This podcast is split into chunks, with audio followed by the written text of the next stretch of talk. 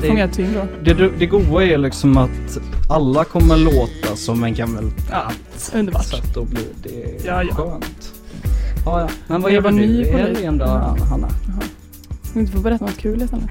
Ja, vi kan berätta något kul istället. Jag tänkte bara säga, på tal om att låta gammal, att när jag var ny som politiker så fick jag liksom alltid klä mig som att jag vore väldigt mycket äldre för att folk skulle fatta att man var liksom förtroendevald och inte någon så här praktikant som dök upp. Typ.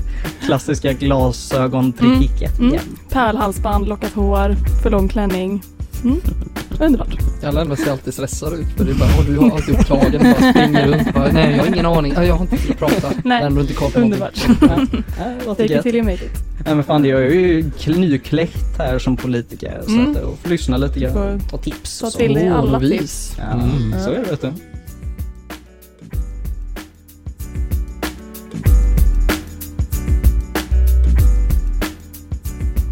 Pappa Ponera har funnits som blogg under lite drygt två år och försöker ta upp svåra ämnen på ett lite enkelt sätt.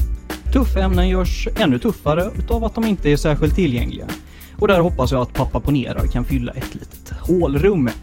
Som tur är så är det inte bara jag som kommer sitta här och hålla låda, utan varje nytt avsnitt kommer att bjuda på lite nya, sakkunniga och högst mänskliga gäster. Först ut så kör vi lite politisk ideologi kryddat med ditt eh, samlivs viktigaste sextips. Så vi kör som en liten eh, het avslutning. Men jag är ju inte själv här som tur är, som sagt, utan jag har med mig lite folk också. Jag tänker att damerna först va? Är det ju den här. Det är en liten Hanna som står här vid min sida. Schysst, schysst av er. Mm. Eh, ja, med betoning på högst mänsklig snarare än sakkunnig kanske. Men eh, Hanna Bernhardsson, eh, tidigare miljöpartistisk politiker och hållit på med det, ja, det känns som större delen av livet nästan, men sedan 2010 eh, ordentligt i partiet och många år innan dess som elevrådstönt kan man väl konstatera. Så att lite sakkunnig Som sig bör då helt enkelt. Som Ja men det är skönt. Ja, Ja, eh, Dennis Lindbom heter jag, eh, tidigare moderat politiker i Göteborgs kommunfullmäktige och även jobbat inom Moderaterna både med kommunikation och media och som fotograf bland annat, eh, som jag även är till yrket till vardags Mm. och även inom filmvärlden. Eh, jobbat sedan 2006 till 2019 och sen avgick jag med allting efter mycket om och men.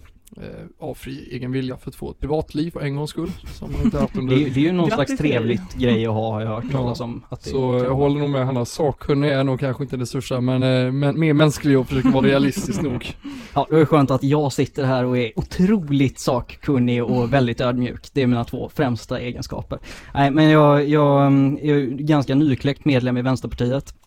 Eh, Så att eh, det tog mig ett halvt liv att hitta dit.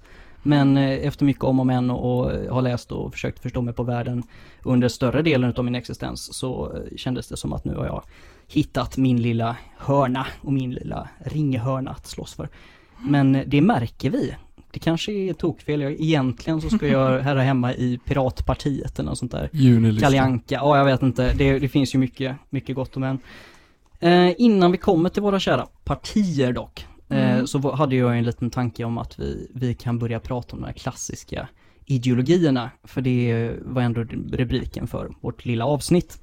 Ehm, och då har vi ju ja, men konservatism och liberalism och, och socialism och eh, det är väl egentligen det som gör att vi tre står här för att vi företräder varsin ism så att säga. Ehm, sen ska här också sägas innan vi går in på själva ämnet att jag sitter ju och kommer redigera det här avsnittet sen. Men det gör inte jag utan att ni har sagt OK. Så att jag inte eh, kör en Kina och censurerar skiten ur det. utan, eh, Ja, det, det, det, kö- det får ni inte köpa helt enkelt. Så att vi, vi kör inga, inga programledare och sånt tjafs. Eh, utan vi, vi lös, kör ganska lösa boliner och så eh, ser vi vart vi, vi hamnar. Men eh, som sagt, vi börjar de klassiska eh, ideologierna, ser lite grann vart de har utvecklats idag. Eh, och sen ser vi om vi, vart vi är någonstans därefter. Mm. Gott. Men eh, ja, för, för, är det någon som är sugen på att börja med någon, någon speciell ism? Hanna? Ja, alltså jag kan väl bara börja med att säga egentligen att jag, jag kallar mig för liberal eh, och har gjort det under ganska lång tid, även om jag, tror eller också började min politiska bana i Ung Vänster för ett tag sedan. Eh, eller för ett tag sedan, för väldigt många år sedan. Eh, tog mitt förnuft till fånga, till skillnad från Per, och gick vidare till ett annat parti. Men, men jag kallar mig för liberal men företräder ju inte egentligen ett parti som alltid har kallat sig för liberalt utan snarare tillhör liksom ekologismen om man nu ska kalla Mm. det för enism. Nej men Eh, sen kan jag prata mycket om liberalismen ändå men Mm. jag tycker att det kan vara viktigt att ha sagt att jag inte är, är folkpartist Jag till är exempel. helt, helt med dig att liberal, liberalismen är ju en otroligt Mm. bred och nästan den som är bredast. Eh, sen finns det ju mycket eh, jätteunderbar politisk satir för några år sedan som heter Knatten. Jag vet inte om ni såg det, men då jämförde man vänsterblocket med någon slags amöba som hela tiden liksom så sproutar nya små liknande förbund och det Mm. kan väl känna någonstans att det tog en, en, en bra stund extra att hitta fram Vänsterpartiet bara för att det finns så jäkla många Mm. Mer eller mindre snarlika. eh, Liberalismen och exempel. socialismen har ju lika mycket att göra med, om man säger, avarter av sig själv, om man säger så, så avkapningar. Så att det är lite det. Ja, Exakt. Konservatismen är ju mer av en grundläggande eh, livsfilosofi eller en livsåskådning kontra en, en politisk ideologi. tur. Mm.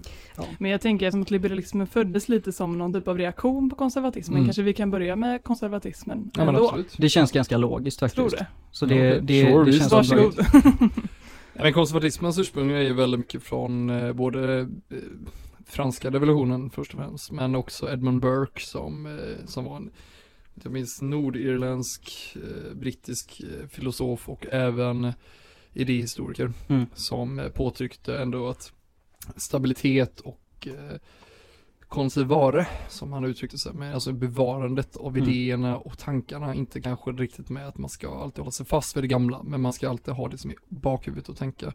Och liberalismen då blev ju en, av, blev ju en motreaktion under revolutionens tid på Mm. 1700-talet eh, mot konservatismens bakåtsträvande tankar, men Mm. även tittar man på just konservatismen klassiskt så är det ju att man värnar kärnfamiljen, man värnar och det, kärnfamiljen idag är ju helt olika än vad den var på den tiden, Mm. men den, då, den tidens klassiska kärnfamilj, den tidens miljötänk, den tidens normal, alltså försöker alltid sätta det i kontext med att vad, vad har vi varit och vart vill vi nå Mm. och vad vi ska inte upprepa för misstag, vi ska alltid vara lite konsekvenstänk i det hela, det är det Mm. som klassisk konservatism är. Mm. Sen kan man gå in på alla avarter av konservatism, Mm. värdekonservatism, Jag tänker det och jag tror, jag tror att det, det är nog rimligt att nämna egentligen innan vi går in på just konservatism och börjar Mm. gotta i det. Eh, Mm. Att vi kör igenom company liksom. För det, det är konservatism som, är- som är först liksom.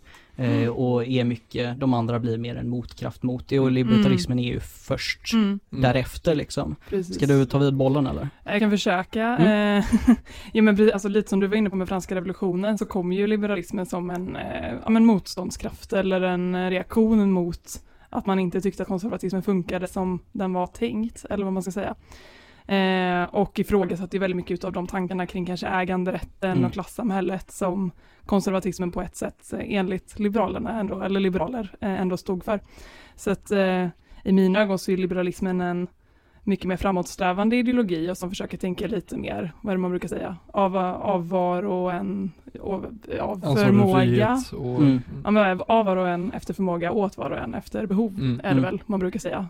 S- skramlade eh, skolbokskunskap i huvudet på mig, men, eh, men lite så att liksom man ska hjälpas åt på ett helt annat sätt. Och Mm. sen finns det ju mycket tankar kring kring staten som jag ändå tror kan vara ganska lika mellan liberalismen och konservatismen, alltså att man inte ska lägga sig i för mycket typ privatlivet. Mm. Eh, så där finns det väl vissa likheter, men med ganska många individens olikheter egna också. ansvar Mm. det Mm, mm. det ska vara, göra Och det är väl nu vi börjar komma in liksom på varför det växte fram en socialist då helt enkelt. Mm. För att det var ju en ytterligare motreaktion då på när, när först Precis. de konservativa hade släppt ifrån sig makt, makten till libertarianer eller liberister eller vad man vill kalla dem för.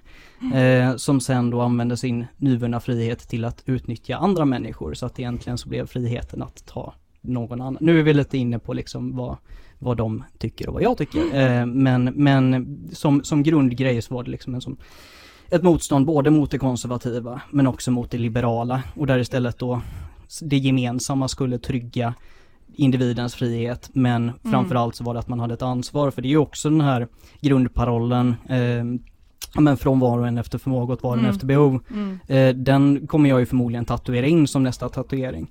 Men för mig så innebär ju den något helt annat. Och då är det ju just där för att vi har liksom, Ja. ja det, det är ju det här att vi har ett gemensamt samhälle som bygger på att vi är ett gäng individer som drar våra stråk till skatten liksom. Och, och Mm. när det börjar komma in ja, för mycket frihet och fel sorts frihet. Och där, nu börjar vi liksom spänna på lite mer vad, sånt vi kommer hamna i senare, men, men mer det här, ja, vad, vad, är, vad, är det, vad, är, det vad är det viktigaste liksom? Och det är väl någonstans där som, som är, egentligen så ser ju utopierna, alltså slutsamhället eller målet, Mm. eh, väldigt lika ut för de flesta samhällsformer, till viss del. Man vill att alla ska ha det så bra som möjligt och sen så blir kakan stor på olika sätt. Ja, Liksom. det är väl ingen egentligen som i grund och botten vill att man ska ha ett helvete i livet om man säger så. De vill Nej. ha väl en utopi och en ulturistisk synsätt på det hela Mm. med en realistisk klang. Men sen är det ju målsättningen och uppsättningen som vi diskuterar olika Mm. och träter för evigt med. Ja, nej men det, det Ja, lär väl kanske bilden av vad som är bra för alla kan ju skilja Mm. sig åt ganska mycket också. Alltså vissa kanske värdesätter då frihet väldigt mycket, att man ska få välja själv, medan Mm. andra tycker att det är bättre om man inte får välja Mm. mellan allt för mycket olika saker. Eller liksom Ja. på det Nej, men skulle, skulle man koka ner det till en mening så skulle jag väl säga att det, det är ju Mm. de mo- moraliska värdena och familjen som är konservatismens, konservatismens största forte i min Inte, värld. ja, inte helt. Okej. Eh, konservatismens största bit, det inte, behöver inte vara kärnfamilj. Alltså det, om vi tittar vi på dagens konservatism kontra hur den var på den tiden uppstod, Mm. uppstod med Burkes eh, konservatismens eh, his, grundhistoria så var det inte just kanske kärnfamiljen som var huvudfokuset även om han tog upp det för det var ju Mm. den tidsåldern. Konservatismen handlar ju mest om att eh, behöver inte alltid bevara men att alltid återblick tillbaka. Så Mm. det är alltid att vara en konsekvenstänk, det är det det grundar sig på.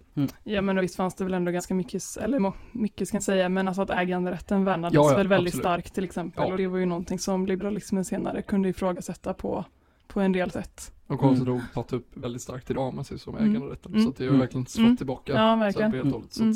Ja, nej men om vi säger, om vi vänder på det då, då är det istället att man, att man är sugen på att behålla, ja men vär, värna om det som har varit och den egna, egen, egenvärdet i, Egenvärdet, det, i det liksom. gamla och Mm. även bevarandet av eh, individuella bitar. Mm. Som frihet och Mm. ägande och annat. Ja. Så, så liberalismen gick steget längre på, som jag säger så, att det skulle Mm. vara mer frihet. Mm. precis. Och så har vi då socialismen som istället står för att man vill ha det kollektivas välbefinnande som är liksom huvudfaktor. Ingen ska behöva svälta eller inte gå i skola eller sådana grejer utan det är det viktigaste och då kan man hellre backa lite grann på, ja dels det, det egna egna ägandet och Mm. eh, ens egen frihet om man vill uttrycka det på det sättet. Men det, det är ju liksom, ja det är ju en, det är en definitionsfråga vad, vad är frihet Mm. och sånt och det är egentligen helt, en helt annan podd. Men jag tänkte, eh, för att vi ska få någon slags ordning i detta, eh, så backar vi tillbaka till, eh, till konservatismen och så går vi igenom de här, som vi ändå enats om nu, sex stycken huvudpunkterna så att säga, Mm. på vad, de, vad man egentligen tycker som Mm. klassiskt konservativ så att säga.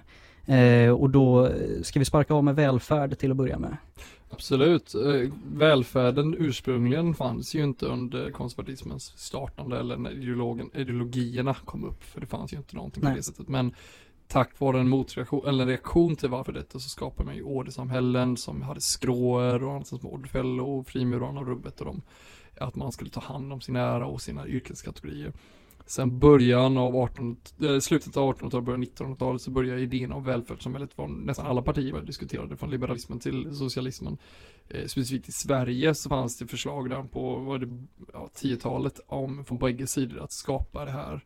Eh, men det sen kokade ner en sammanslutning som Socialdemokraterna sen tog över med mer på 1900-talets början på 2000-talet, eller 1920-talet och eh, skapade. Men just för konservativa så var det just ett välvärde att man ska ta hand om barnen, man ska ta hand om de fattiga på ett sätt, men det var också under ansvar att de skulle betala tillbaka och den perspektivet på den tiden sticker ju inte, det sticker ju stick i stäv med det vi tycker idag Mm. egentligen med tanke på Sen är väl också en, en stor grej just att man lägger väldigt mycket tyngdpunkt vid, ja men dels ideella organisationer, men också inför liksom familjen och släkten och där, där har vi de riktiga liksom, ja men patriarken liksom, Mm. är- det är garanten Mm. för att ha ett fungerande system liksom. Men även, vad, även matriarker beroende Ja, matri- ja, eller om vi, om vi tar ett svenskt perspektiv Mm. så är det patriarker, men tar vi, kan vi ta ett världsperspektiv eller i andra länder så är det ju, skiljer sig som Ja. USA exempel som Mm. är, ligger fortfarande 60 år bakom och bakåt i tiden och Mm. diskutera. Och bara för att göra för tydligt på klassisk konservatism som vi pratar om nu, det är för att de ska lyssna på detta att det är, den är den grundbasen som vi alla konservativa går ut från. För jag kallar mig liberal konservativ.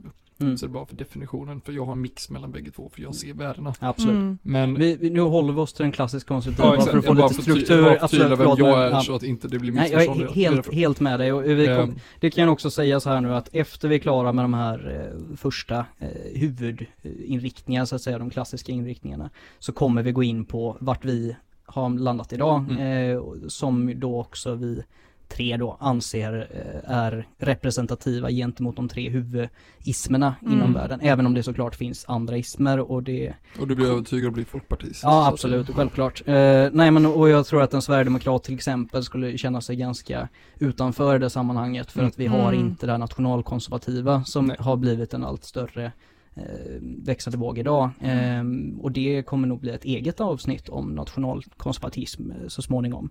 Men nu är det majoriteten som vi Mm. kollar på och Mm. då är det liksom Ja, De klassiska de, de klassiska Mm. men med respektive eh, utveckling liksom som vi, som vi går. Men om vi, om vi, då känner jag mig ganska nöjd med Mm. välfärden på, på det konservativa.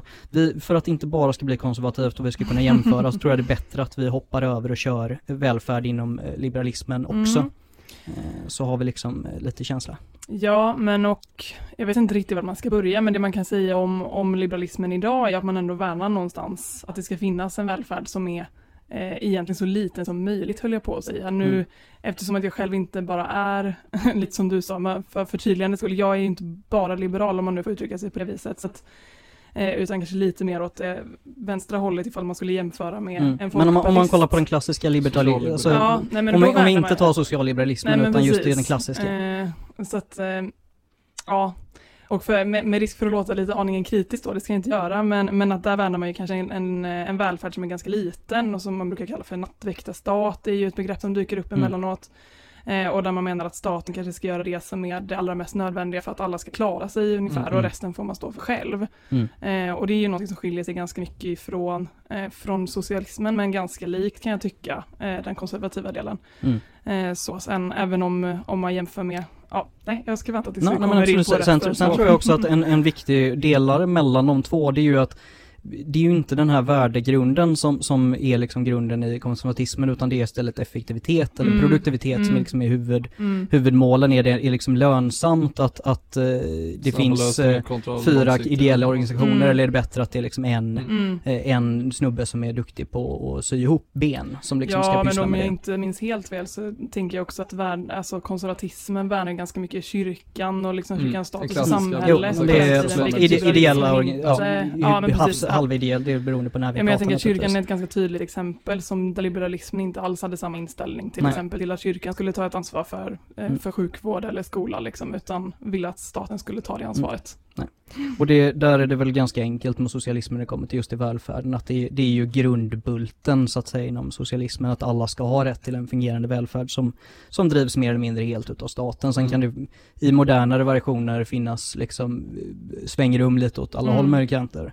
Men klassisk socialism är ju, eh, då är det staten som, som ser till att alla har och vad är det den klassiska går, bröd och, och nöd och, och hela fan. Men liksom det, det är ju mer, men, men sjukvård och pension Mm. och liksom möjlighet att eh, inte hamna på gatan. Det, det är någon slags grunden i en socialistisk stat. Jag ska bara flika in och säga det att det, vi både, alltså det som är det roliga med konservatismen om man tittar på klassisk konservatism, det är Mm. att den vill ju ha en medelstor stat. Som socialismen vill ha större stat och liberalismen vill ju ha mindre stat. Mm. Så vi ligger ju Mm. lite emellan.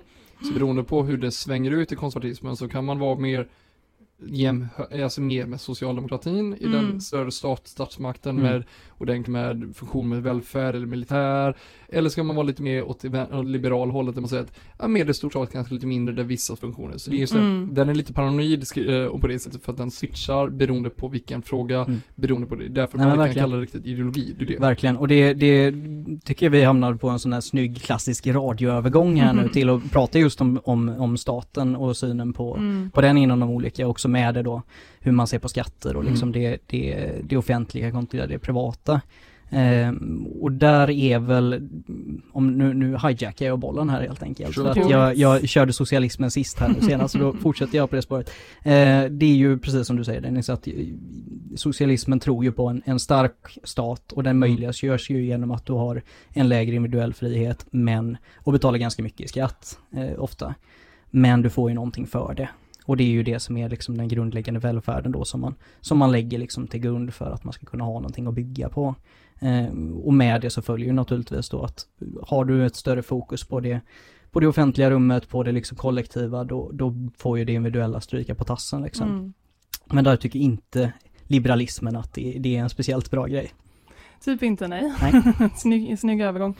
Eh, nej men om man kollar på liksom statens storlek och så som vi var inne på så är det ju som du sa att liberalismen vill ju ha kanske en mindre stat men om man kollar på eh, skattefrågan som du berörde nu Mm. eh, så är det ju som du säger att man kanske inte tycker att man alltid får det som man kanske inte får ut lika mycket för pengarna som man betalar tycker väl Mm. många som är liberala eller framförallt inte tycker att staten är de som gör allting bäst. Eh, och om man ska kolla på liksom det moderna samhället idag, nu har vi pratat väldigt mycket om så 1800-talet och liksom ståndssamhället, men Mm. om man kollar på idag så kan det ju till exempel handla om här, skolan, är det verkligen, finns det inte företag som också kan driva skola på Mm. ett bättre sätt än vad Mm. vi får ut för våra Jag skattepengar? tänker vi, vi, spå- vi håller lite grann på idag bara. Jag, Okej. jag vill liksom Ja. så att vi, det, förlåt nu, nu kommer jag in här som en eh, moderator i alla fall som jag lovade att jag inte skulle vara. Eh, men jag tänker mer för att det ska bli någon slags struktur i det. Mm. Så, så kör vi på med liksom det, den, de klassiska eh, först och så Mm. när vi är klara med dem då, då hoppar vi in på vart liksom det lättar ut till. Mm. Sen är det bra Mm. att vi redan nu eh, bunkrar upp det, men jag tänker mer för att om det nu ska vara någon som ska orka lyssna på det här så, så får vi ha lite struktur liksom. Ja men absolut. Absolut. Bara svårt att ta något så här exempel från den tiden. Ja, det tänker jag inte nödvändigt Nej. egentligen liksom, utan det, jag tror att det, det, det är ju egentligen det här med den individuella friheten Mm. och då friheten att liksom driva den här välfärdslösningen eller driva de här lösningarna, egentligen samhällslösningen oavsett vad det är för funktion, Mm. ifrån ett, liksom, ett privat perspektiv istället från ett Mm. offentligt. Mm. Om, som, som jag Ja, jo, men, ja, men jag Det är fattar, liksom- det är bara så här, jag tycker det blir så likt det jag sa på förra inlägget. Ja, men jag kör tror du att- så länge du jag ska tror att, lite. ehm, alltså det är som jag tror vi är lika på den biten, Mm. det är att det handlar mycket om att konservatismen och liberalismen ser ju också på en individbaserad nivå. Som du sa, det att kan privata företag driva det bättre beroende på vad det är. Mm. Och därför kan man då låta att staten ska inte alltid veta bäst. Det är lite poängen att staten är där för oss, men Mm. de ska inte alltid bestämma för oss för att det blir lite för mycket detaljstyrning och det är det som man Tittar man på in, internationell perspektiv så ser man det i EU med för mycket byråkrati eller liknande och det är mycket Mm. folk som ser negativt det och då är det EU är ganska konservativt knök egentligen Mm, med mm. två block med det stora röda blocket eller det jättestora blåa blocket och det Mm. blåa blocket blir mer åt det lite mer ordentligt mörkblåa konservativa som Mm. då vill styra mer och då har man helt annat perspektiv. Men tittar man då återigen på svenskt perspektiv så ser konservatisterna, eller konservativa och även liberaler, att man ser att okej, vi har försökt med det här, vi, vi, vi kan inte förse det, men här kommer det några individer i samhället som vill vara samhällsmedborgare och tar över ansvaret och gör det bättre. Okej, vi testar med dem och de gör det bra, då får de fortsätta så länge Mm. det fungerar. Fuckar de upp sig, ursäkta uttrycket, så blir det automatiskt så att de kommer inte få det ansvaret. Nej. Ja, och det är, en, det, det är ju en ultristisk Mm. syn- synsätt Mm. på det hela, Mm. men om man tittar på en realistiskt så kanske inte det alltid fungerar, men det har fungerat till största del och det är därför Mm. vi har just privat skola, privat, privata företag på det sättet tar över olika samhällsfunktioner som vi oftast inte kan för vi har inte resurserna. Sen är det ju också en definition då vad, vad som är att det fungerar på den, den största del liksom. För det, Ja, det är väl det absolut. som jag hävdar Det då med, med socialismen att, att eh, när det inte längre är en jämlik vård eller skola eller vad det är för någonting utan det kan ju finnas kanonskolor under både konservativa och liberala Mm. system. Men det spelar liksom ingen roll att USA har världens bästa sjukvård när den ändå bara är tillgänglig för liksom toppprocenten i, i Mm. landet Mm. mer än toppprocenten naturligtvis, men, men eh, det är ändå en annan grej. Sen vill jag släppa in li- lite här nu, för jag tror att vi får ha lite lösare boliner att bara prata om gamla gråa gubbar, för då blir det bara gamla gråa Det blir gubbar. inte så kul. Det är inte så kul. Eh, så vi, vi skiter i den här bilden av att vi ska ta, dem- vi har det mer med oss, Mm, att de absolut. klassiska ideologierna, och sen går vi över till eh, till det som vi står för, men att vi tar dem ändå i, i nutida kontext, för Mm. annars blir det historiepodden som, så som ju är kanon. Jag var så nära på Eh, Jag skämt och så Världens, jag poddtips. Jag Eh, älskar historiepodden, ja, men jag är inte så tillräckligt kunnig för att dra och det själv. vad är det så- bästa Ja, jag dialekten du? Eh, nej det... Jag, jag gillar att imitera Mjölby men jag kan inte, jag kan inte höra på det på huvudvärket. Ja men det är så Fantastiskt, jag älskar det är det. så Ja det är, Låter Ronny och Robin där, de är så jäkla bra. Ja men jag Ja. tycker så här, det är trevligt men jag får lite huvudvärk efter fem minuter för jag kan imitera mig själv med ingen annan. Ja, nej, det, det är bra. Och sen är det, jag bodde ju i Piteå ett par år liksom, så att den här norrländskan som, Ja, som kommer in liksom, det, det är ju nu är det ju en light-version, för det är ju inget liksom Kalixmål, utan det, det är ju liksom Umeå. Sköt björn igår. Jo men det, Det är Ja, för ja. jävligt. jag har, jag har, det, åh den här är så jävla dålig, men nu är vi i Göteborg och eh, jag har möjlighet att dra den, så nu drar vi den. Är du säker? Eh, jajamensan, det är, det är mitt bästa skämt om, eh, om eh, Norrland.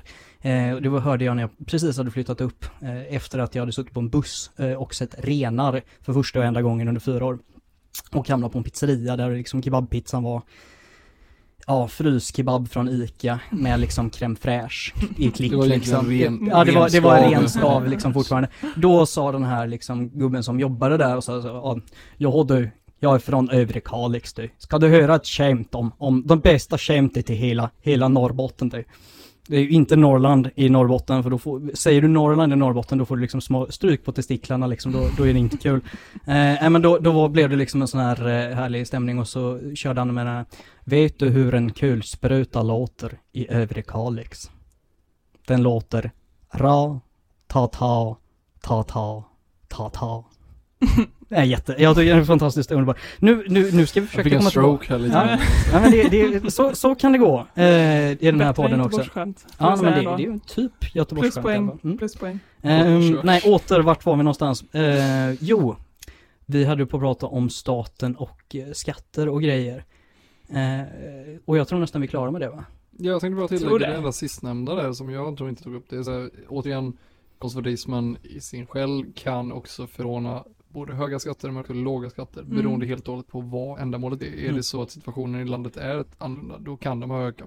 Medan i klassisk liberalism så är det aldrig höga skatter och en klassisk Mm. socialism så är det aldrig låga skatter. Mm. Medan återigen, schizofreni i konservatismen, beroende på vart du är, är att det är ändamålsbaserat. Alltså. Mm. Sen, ja men det, det är just det där att det är ändamålsbaserat, för det är också någonting som är väldigt, väldigt tydligt för konservativa samhällen och det skulle jag även till viss del säga för liberala Mm. samhällen också, Ja, att du vill veta vart dina skattepengar Ja. går. Det jobbar ju Miljöpartiet extremt mycket med liksom.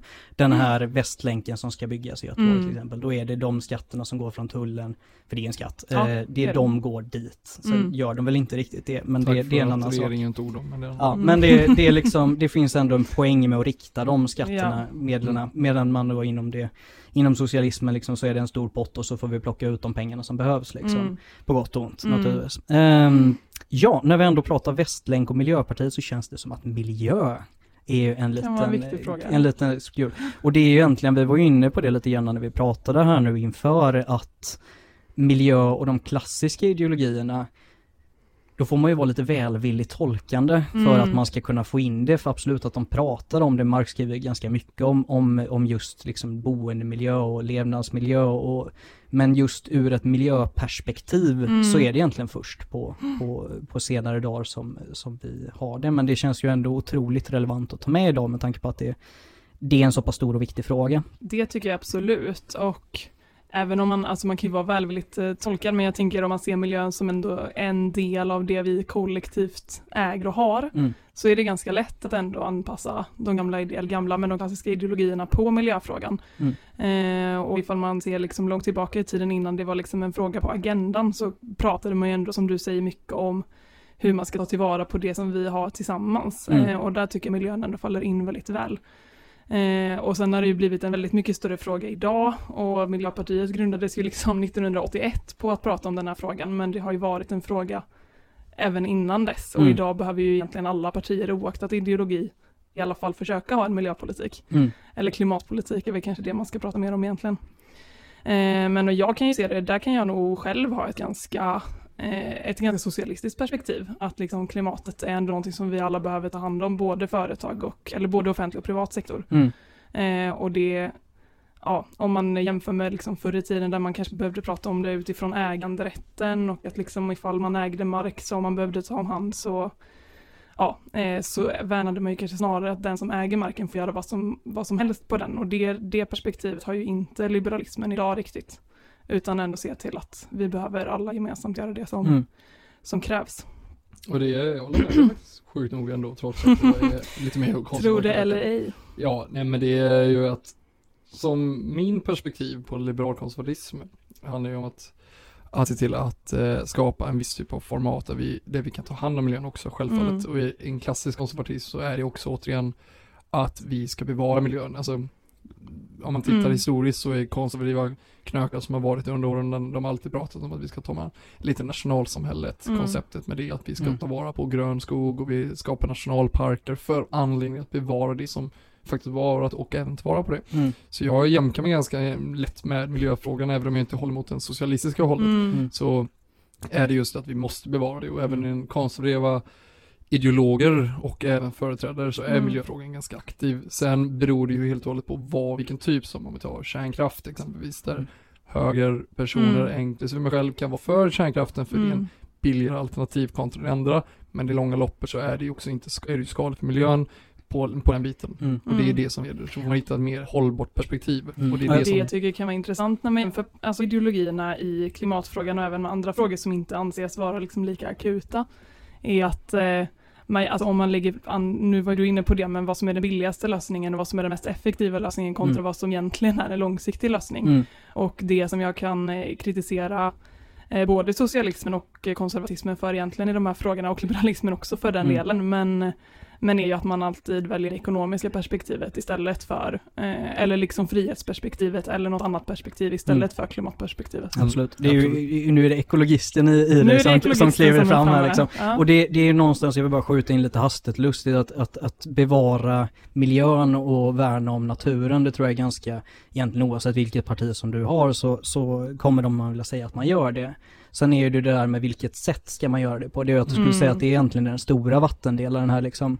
Vi har, socialismen tycker ju liksom så att men då lägger vi på företagen, de som släpper ut, de bilan, tillverkarna, you name it, Greta och Peter. Det, då ställer vi höga krav, mycket Mm. regler, koldioxid liksom får inte släppas utöver en viss nivå och sen så liksom Mm. är det basta och finito. Mm. Men precis som du är inne på Hanna, att, att det är viktigare att folk får el till sina hus än att vi liksom får ner Mm. en halv grad. Eh, Även om en halv grad är jätteviktigt. Ehm, så är det liksom, absolut, det köper jag. Mm. Eh, och det är väl också en sån grej som jag stod i kärn om vi ska ta egen politik i ett, två sekunder så har jag ju vacklat mellan kärnkraft och inte kärnkraft hur mycket som helst. Och det, är- det är liksom ena dagen så tittar man på Tjernobyl, har ni sett den förresten? Ja. Fruktansvärt Ja, bra. Eh, och då blir man liksom så här, aldrig mer. Lyssnar Mm. man på Tage Eh, Alltså, eh, sannolikhet va? Det betyder väl någonting som är likt sanning. och så blir, liksom, blir man så här, nej fuck, eh, det går inte. Och så börjar man kika på vad det finns för alternativ och effektiva de är och vilka, hur mycket det kostar, hur mycket vi måste lägga ner eller satsa Mm. om och så ser man att liksom så här, det, det är ju en smidig lösning. Men det är ju kanske ingen, ja. Det är Det- det, det- det det det är en jag, jag jättestor- skippade kärnkraftsfrågan för lyssnarets skull.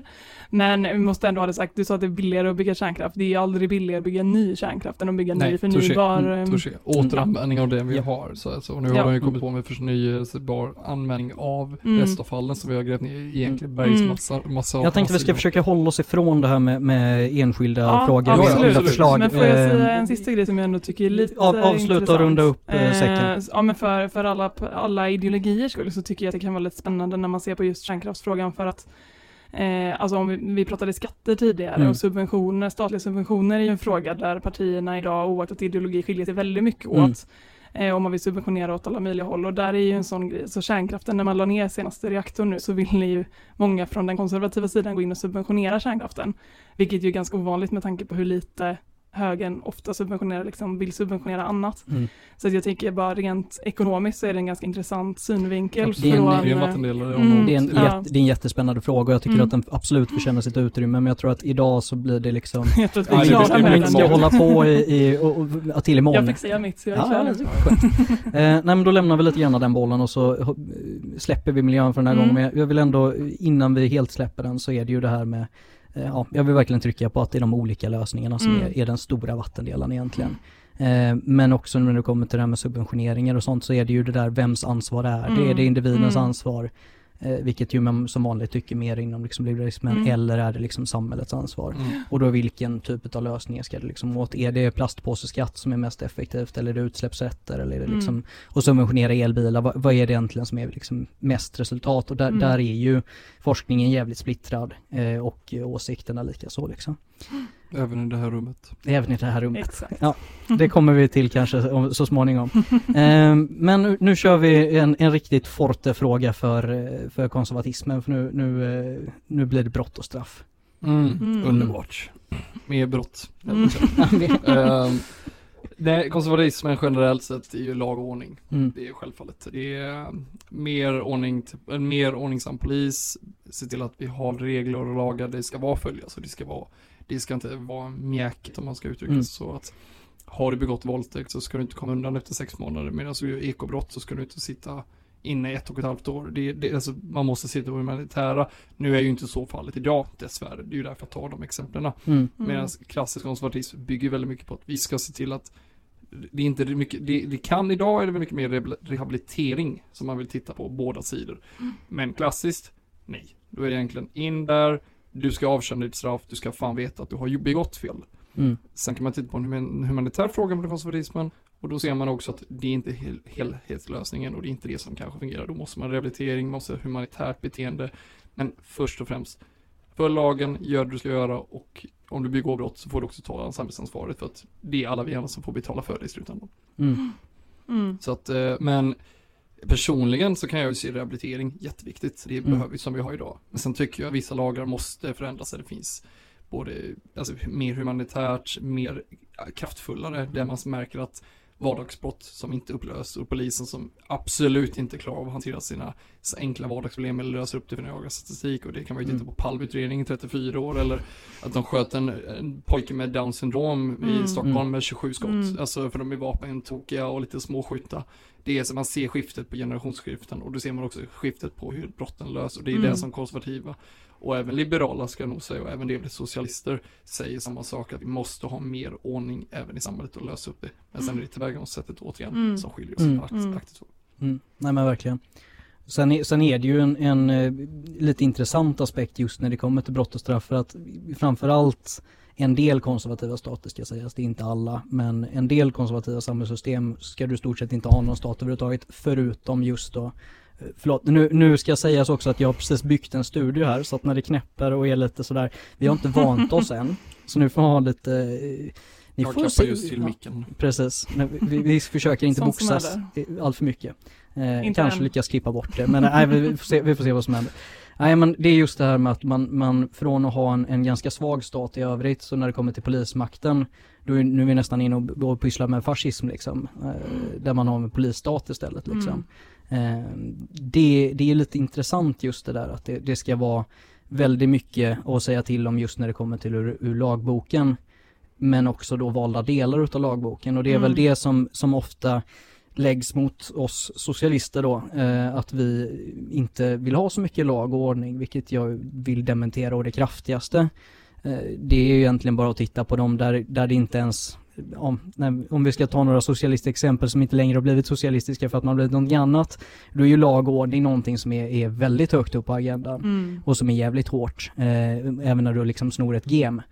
Mm. Men, men eh, jag tror ju någonstans att, att den stora socialistiska inriktningen egentligen ligger ju mer till grunden på varför gör du brott. Eh, och där i så har man liksom olika Eh, ja, dels olika straff men också att man ser liksom på olika sätt. Jag tycker liksom till exempel som det här med att stjäla mat blir väldigt olika om du har råd med mat och om du inte har råd med mat. Mm. Och därmed behöver man göra en- fråga beroende Mm. på Ja. vilket, Nej, precis. vilket gen. Därför vi har ett Mm. system som inte USA, en jurysystem där vi har nämndemän och juristdomare Mm. på det sättet. Mm. Även om personligen nämndemän är idioter i mina ögon. Ja, jo, absolut. Nej, men det finns ju diverse nämndemän som är riktiga jävla prakt. Men det var väl Ja. han eh, i den här GPs systrar dokumentär. Har ni ly- lyssnat på den eller? Nej, inte Nej. än. Nej, skitbra. Jag har, det är det ehm, bästa. Jag, jag gillar ju inte Gais P egentligen, för att jag är blåvit. Ehm, tycker de har för mycket fokus på fel grejer. Eh, och så har jag Mm. varit där på studiebesök när jag bestämde mig för att inte bli journalist, så att det är en helt annan historia. Men, eh, men just det här med, med systrar, det löste de jävligt snyggt. Men det är ju en nämndeman eh, som är en av de här största torskarna överhuvudtaget och han Mm. legitimerar ju sitt beteende med att han är nämndeman. Mm. Eh, och det är också en sån Mm. grej som jag kan känna inom Inom både liberala och konservativa men också absolut socialistiska kretsar ibland när det kommer till, till högt uppsatta människor inom rättsväsendet att man, eh, det, jag gör så mycket fint och mina brott är Mm. inte så farliga För om jag skattefuskar, om jag fifflar bort, om jag liksom bygger som jag inte får, det är inte så mycket värt. Men om någon eh, stjäl en matkasse på ICA, då jävlar. Mm. Men jag tycker, alltså bara innan, innan jag släpper in det Hanna, bara Nej, är för att du ska få ta din del. Jag vill bara fortsätta lite på nämndemän och säga att just nämndemän generellt till mig, min del, det är ju rätts, det är en rättssäkerhet att vi har dem där överhuvudtaget. För det här har du ju en 18-åring med partiboken uppkörd i röven, ursäkta mitt uttryck igen, Mm. men det är naiv, oftast naiva eller väldigt fanatiska personer som kommer in om de är unga. Och så kan det vara gamla eller vilka ålder, men beroende på parti du kommer in och sen sitter du och dömer, är det en invandrare och en sverigedemokrat sitter där, boom, ursäkta mig Mm. men kommer den rätt in, tar du nästa person, är det en vänsterpartist som sitter där och sen är det någon som gjort Mm. ekobrott och den ska åka på Ja. det. Alltså det är det, Mm. ja, lagen är blind och sen får vi tolka det lite hur vi vill när Mm. efteråt. Men samtidigt, där känner jag en rättssäkerhet att vi måste ha kompetens Mm. och det har vi inte med partipolitiska ersättare med, med det som är valda partiet för att vi har, måste fylla ut platser. Det, det, Mm. det, är, det är livsfarligt. Mm. Är. Är det p-böter köper jag det, men är det en våldtäkt så vill jag inte sätta en person som har konstiga åsikter där, för då blir det också fel. Jag vill egentligen skjuta in, men nu, nu Hanna, nu är det fan det inte. Men jag tycker att det är helt okej. Alltså jag, jag har läst en del juridik också så jag tycker att det är jättespännande eh, just nämndemannasystemet och inte bara för att det är partierna som tillsätter. Nu ändrade man ju faktiskt det för något år sedan så att nu, eh, det? ja, det är partierna som tillsätter fortfarande Mm. men man, eh, det är inte längre typ krav på att man ska vara medlem i ett parti. Miljöpartiet väljer till exempel ganska många som inte är medlemmar Mm. eh, utan som hör av sig och bara är intresserade av att bli nämndemän. Men jag kan förstå mycket av kritiken. Sen så tycker jag att, alltså, jag, jag, ska, jag ska komma in på liberalismen också, men om vi bara backar lite mer till själva brott och straff så tycker jag att debatten idag handlar ju ganska mycket från alla håll, dels om hur hårda straffen ska vara, men också om vad som ska anses vara brott och det tycker jag är lite spännande utifrån det du säger med så här, är det ett brott ifall man stjäl för att man är hungrig och behöver Mm. mat till sina barn, eller är det ett brott för att man, alltså stjäl oaktat Mm. reason liksom. Eh, och där, där den liberala sidan tycker jag och egentligen alla sidor kanske mer eller mindre men framförallt från vänsterhåll kan jag tycka pratar mer om att jobba förebyggande. Mm. Eh, och lite som du är inne på, hur dömer man kanske personer med invandrarbakgrund annorlunda om man Mm. är sverigedemokrat eller vice versa och sådär. Eh, där finns det ju en jättestor debatt idag om hur man ska ta sig an förorten och de utsatta områdena Mm. rent. Eh, och jag tror ju absolut inte själv och skulle inte säga att liberalismen säger det heller, men att hårda straff är lösningen på något av Mm. de problemen.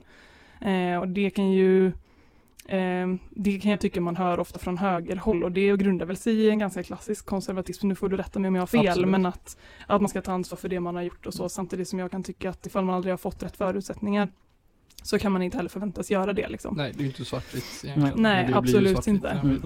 Nej, Men det- jag, ja, nej, jag skulle ändå vilja säga att eh, liberalismen, eh, alltså jag nämnde ju nattväktarstaten tidigare och där är ju polisen en del och det är ju liksom om man verkligen ska se till den superklassiska eller liberalismen så, Batong, så är det ju liksom en utav de, ett utav de benen i nattväktarstaten som ska ta ansvar för Mm. allas trygghet och, och så. Men att idag handlar det ju mer om att kanske jobba förebyggande och få folk att inte begå brott och Mm. En sista grej som jag ändå skulle vilja slänga in i, tycker jag, som är intressant i debatten om vad som är brott i, idag. Samtyckeslagen som är ganska ny till exempel Mm. är ju en helt ny, alltså det är ju någonting som inte ansågs vara brottsligt för ett tag sedan som nu är det. Mm. Eh, samtidigt som man kanske också vill höja eller sänka straffen på olika saker. Men jag tycker att jag har saknat det perspektivet ganska länge i debatten. Att så här, vad är det som är brottsligt? För att väldigt stora delar av brottsbalken är ju skrivna på 1700-talet Mm, och har sedan är aldrig ändrats. Så är det ju.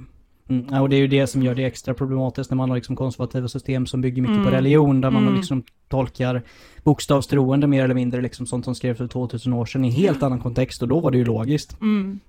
Jag, älskar- jag älskar fortfarande Men inte idag liksom. Jag Nej. få konceptet från Frankrike där man får, får inte döpa en gris till Napoleon för det, det, det är lag, eller lagbrott och då kan du riskera upp, då är det tre månaders fängelse om inte Ja. fel. Det får Nej, någon ryssarna rätta mig på men Mm. Ja, nej men det, det, Mm. det finns ju många exempel på lagar som kanske har fallit lite, lite ur passé. Men jag tror att vi ska vända åt det lite grann och så tycker jag ju att egentligen så är brott och straff lite lik miljöfrågan på så sätt att den visionen utav utav vad som är en, en lyckad stat när det kommer till Mm. brottslighet är ju ganska likt att det är ju en, ett samhälle med så lite brott som möjligt utan det är just åtgärderna mot Mm. som är den stora skillnaden där, där konservativa vill ha mer, mer direkta åtgärder, till viss del liberaler, det, där är jätteskillnad mellan Mm. liberaler och liberaler.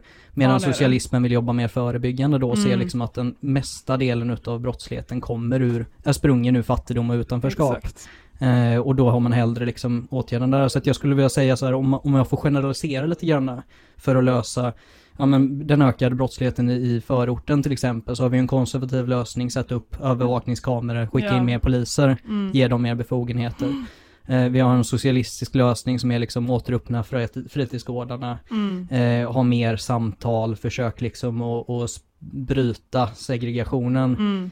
Sen hur framgångsrikt det är, det är en helt annan sak. Mm. Eh, och sen har vi en liberal lösning som är, Ja, någon typ av blandning skulle vi säga. ja, Nej, alltså här blir jag väl väldigt mycket miljöpartist också, där Miljöpartiet i brott och strafffrågan står något mer till vänster än kanske vad en klassisk liberal skulle Mm. säga. Jag kan inte riktigt svara på hur en klassisk liberal skulle vilja lösa det problemet, men ur ett miljöpartist, nej men det, det är Nej, väl men ur ett någonstans att, miljöpartistiskt perspektiv så är det ju väldigt mycket fokus på förebyggande arbete, Mm. att få folk in i arbete, lära sig språket, ge barn rätt förutsättningar och som du säger bryta segregationen. Mm. Alltså det skulle jag väl säga är något som Mm. ändå, om man ska ta konkreta exempel, sånt som en liberal skulle ändå ställa sig bakom idag. Mm. Nu pratar jag så mycket att mina läppar håller på att krackelera här. ska Och jag bara- tror, jag tror att nu håller vi på att halka in på det här sista ämnet som vi hade lite svårt att definiera, eh, som vi eh, behöver ta upp och som jag tycker är väldigt spännande. Eh, och det är ju nästan det ämnet som jag har tvingat in mig mer eller mindre i, i politiken och det är ju det här med jämställdhet. Eh, inte bara mellan könen utan också då mellan olika människor med olika Mm. bakgrunder, olika Mm. förutsättningar och så här.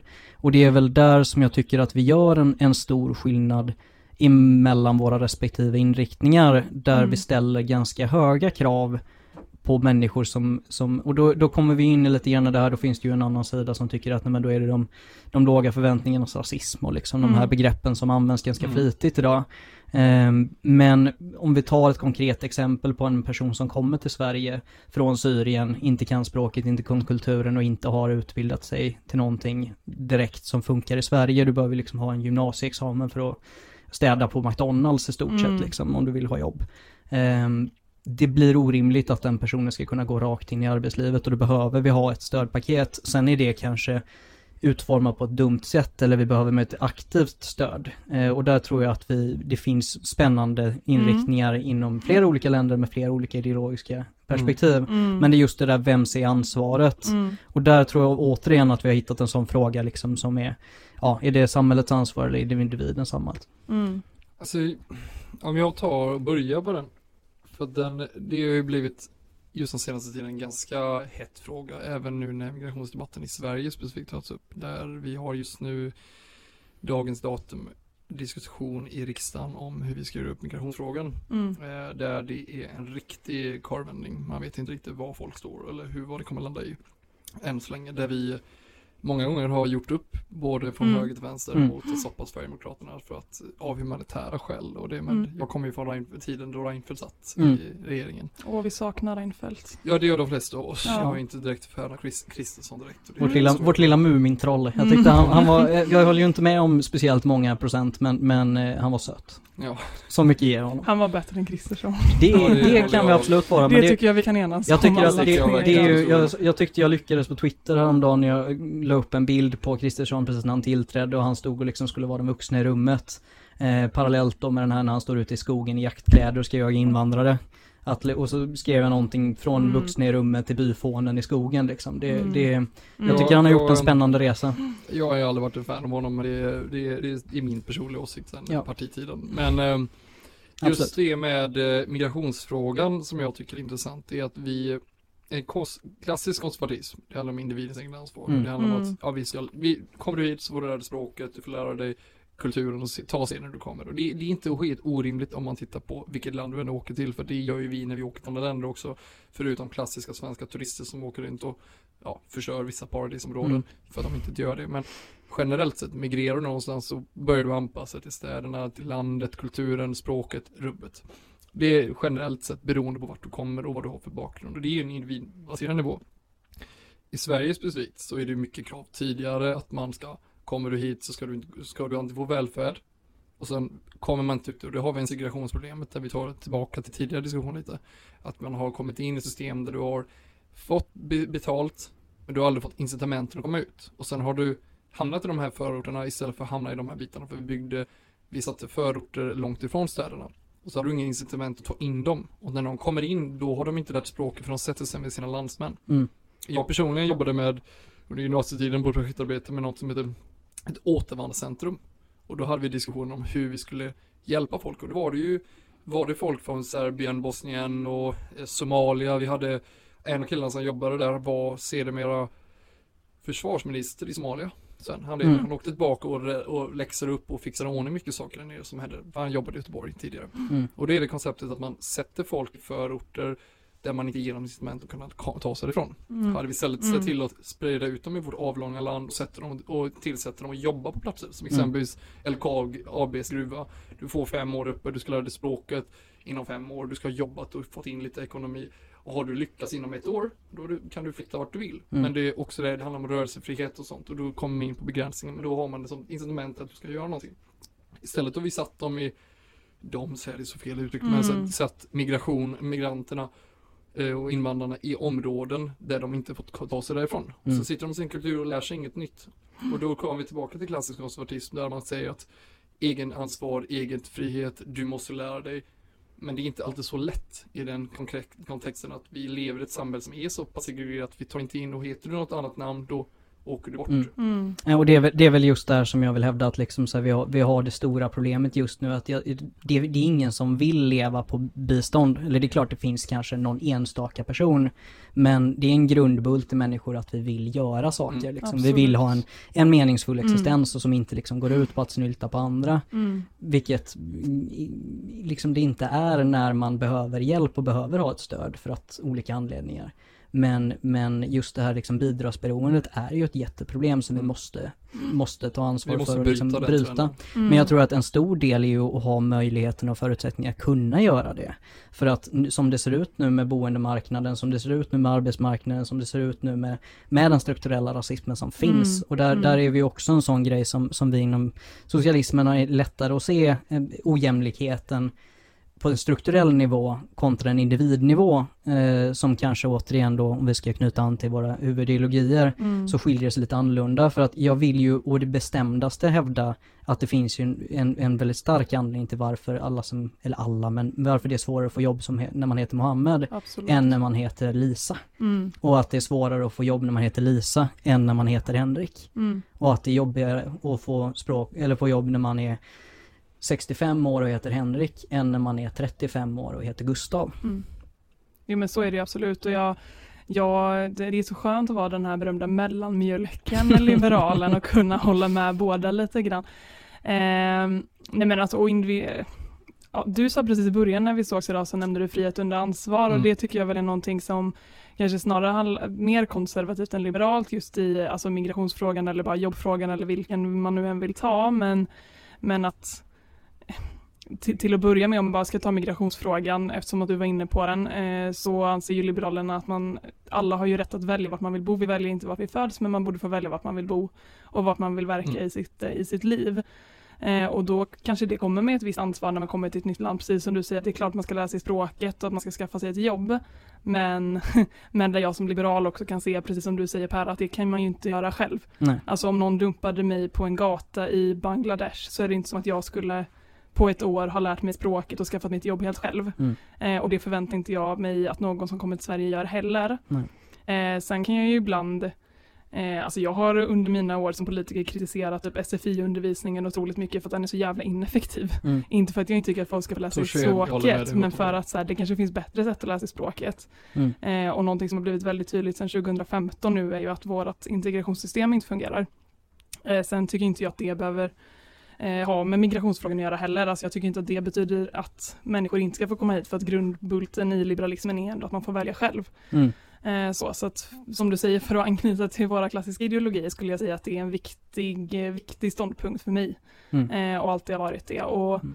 och den strukturella rasismen som du är inne på, den är ju inte, det är inte en fråga som någon av våra ideologier egentligen har ett så en quick fix på. Nej. Och det, ju, det, finns ju inte en möjlighet till en quick fix heller utan det är just det där liksom Vem kan lösa det? Mm. Är det mm. familjen? Är det institutioner mm. som kan lösa det? Mm. Är det individerna som kan lösa det? Mm. Eller är det samhället som kan lösa det? Och där har vi ju liksom Eller bara, så är det en mix Eller också är det en alla. mix utav det alla liksom. Mm. Och det, det är väl någonstans aldrig det är ju sällan svartvitt inom, mm. ens inom politiken och där, där, får man ju bara ha en, en slags insikt att om man inte är extremist så, så är det liksom inte riktigt möjlighet att slänga Nej. ner en lag och så är det klart på två dagar liksom, utan det, det funkar Gud sällan vad så. underbart det varit. Ja det hade varit, oj. Det var så himla praktiskt. enkelt. Det är våra jobb försvunnit totalt. Och tänk Ja. om ett parti hade så egen majoritet så att den här migrationsdebatten kunde vara Ja. avslutad, men så är det ju inte. Nej. Tack och lov ska man väl också säga. Nej, men det, det är lite roligt oavsett egentligen vilken ideologi det är, men det där med, vem är det Churchill som säger det? Eh, att, att demokrati är ett fruktansvärt styrelseskick.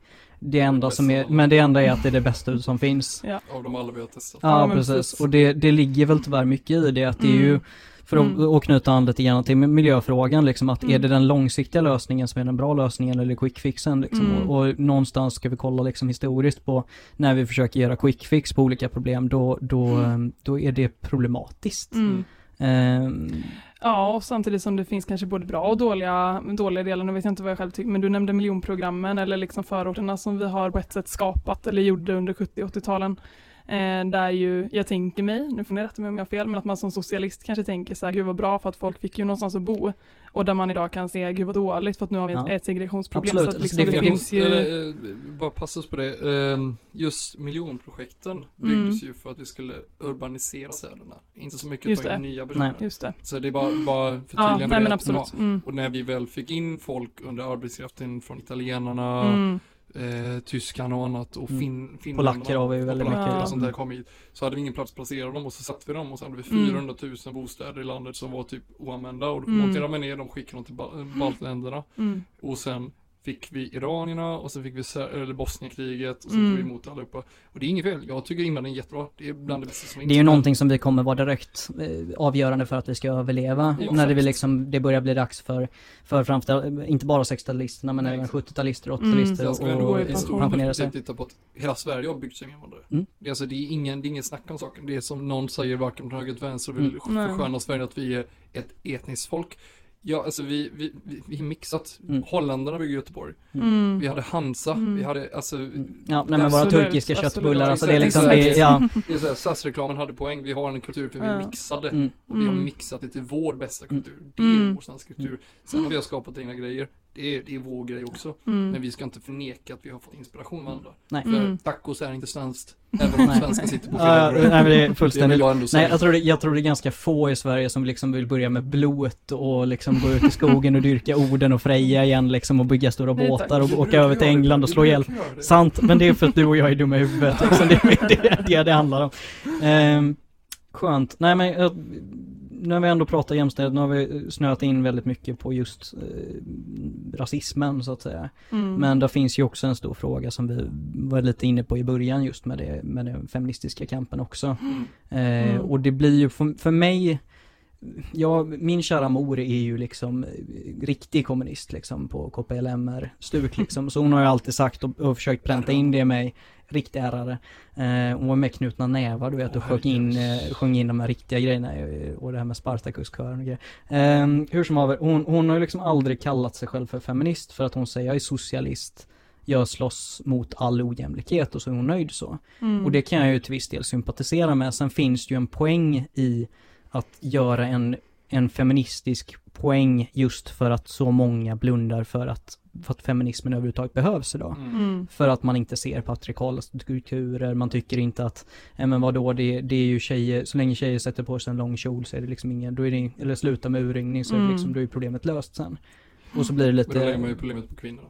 Mm. Det är det som Nej det är ju det Mm. som är grejen för att det, liksom problemet ligger någonstans inte i jag har ju två döttrar ehm, och det är ju liksom inte dem som vi ska lära att, att tampas med, med feminism, feministiska frågor utan det är ju Nej. liksom om jag hade haft två söner som jag hade varit mer eh, intressant liksom att prata Mm. med liksom. Men det är det som vi, vi pratade om innan, innan vi drog igång hela den här biten som du och jag Hanna sa. Så här, jag kallar ju inte heller mig feminist och det har ju inte med att jag inte stöttar feminismen och gör det. För jag är ju jag är ju också liberalkonservativ. Jag har alltid stöttat det men jag lever, jag lever hellre upp till värdena än att jag ska börja kalla mig epitet. Så att jag kallar mig nästan till, nästan till aldrig epitet. Men om, för definitionens skull så har jag till och med sagt det eftersom jag jobbar i, med så pass humanitära frågor privat även när jag jobbat i Hongkong som krigsfotograf och höll på med där nere. Så har jag också sjukvårdsutbildning, jag, gillar, Mm. jag älskar att ta hand om människor och hjälpa människor.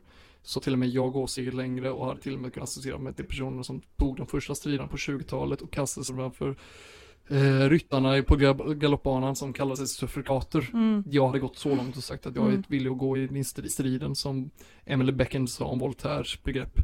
Jag, jag håller inte med dig men jag kommer alltid gå, jag kommer gå i döden för det rätt att säga det. Mm. Mm, och det är det jag menar. Mm. Sen är det den där myt att han har sagt så. Det- Emily eh, Beckens definition av Ah, okej, mm. inte, inte Sorry. hans de facto. Sorry.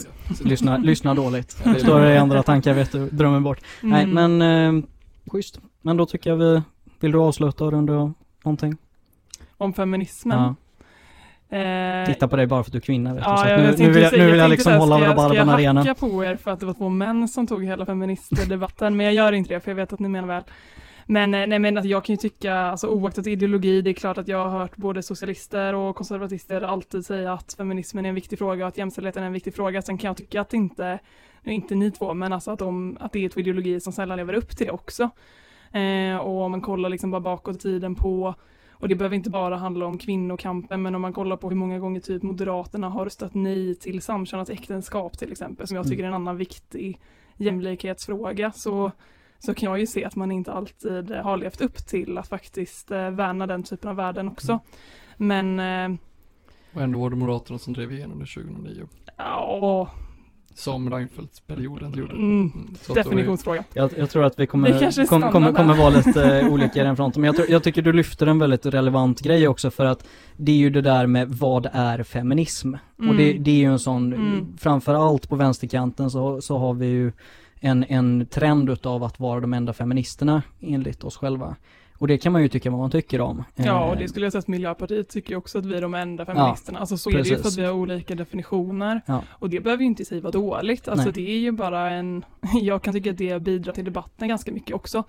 Men, eh, men jag tycker att det är lite, jag, ty- jag blir väldigt glad när du ändå säger, alltså som du var inne på med dina två döttrar, att det är inte de som ska behöva lära Nej. sig. Och jag som tjej har ju alltid fått höra så här, gå inte själv på kvällen, Mm. lämna inte dina tjejkompisar ensam, är åk inte med någon konstig, gå inte där och där. Och vad är, Och vad är det hon heter, hon som är så jävla bra? Linnea någonting. Som Claesson. håller på och, ja men precis, hon Ja. hänger ut folk på, eller hänger ut är fel ord, hon, slänger ut vad folk skriver till henne. Ja. Ja men det är något sånt. heter- Ja men precis, det finns en annan som heter typ snubba tindrar, Mm. alltså som är något liknande. Men framför allt så, äh, känner ni till Katarina Wenstam?